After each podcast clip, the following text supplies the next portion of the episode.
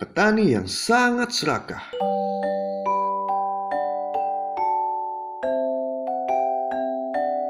Pada zaman dahulu kala, hidup seorang petani yang sangat miskin.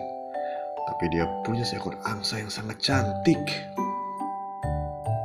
Hidupku sangat miskin, tapi tidak apa-apa. Aku punya angsa yang sangat cantik.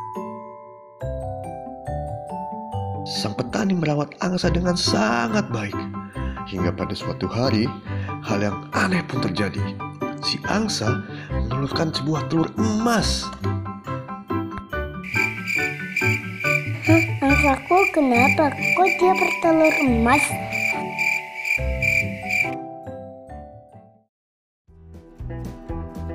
Karena si petani tidak punya uang, dia pun membawa telur tersebut ke pasar untuk menjualnya. Pak pedagang, aku ingin menjual telur emas. Wah, telur apa ini? Ini telur emas. Harganya akan sangat mahal. Aku akan membelinya ya. Karena menjual telur tersebut, Pak Petani pun mendapat uang yang sangat banyak.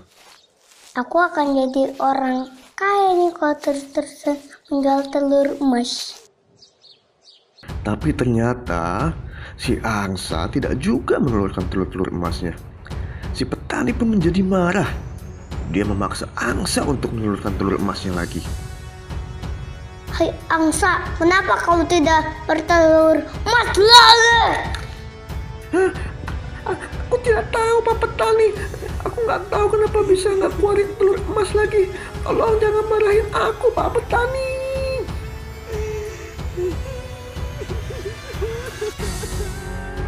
Kau tidak bertelur lagi, aku akan bunuh kamu.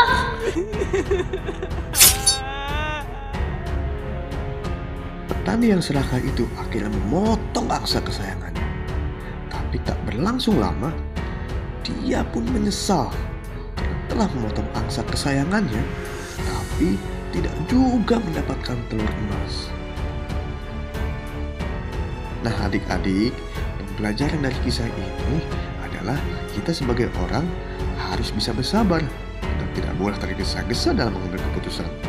Kita juga tidak boleh serakah dan harus mensyukuri dengan apa yang kita miliki ya.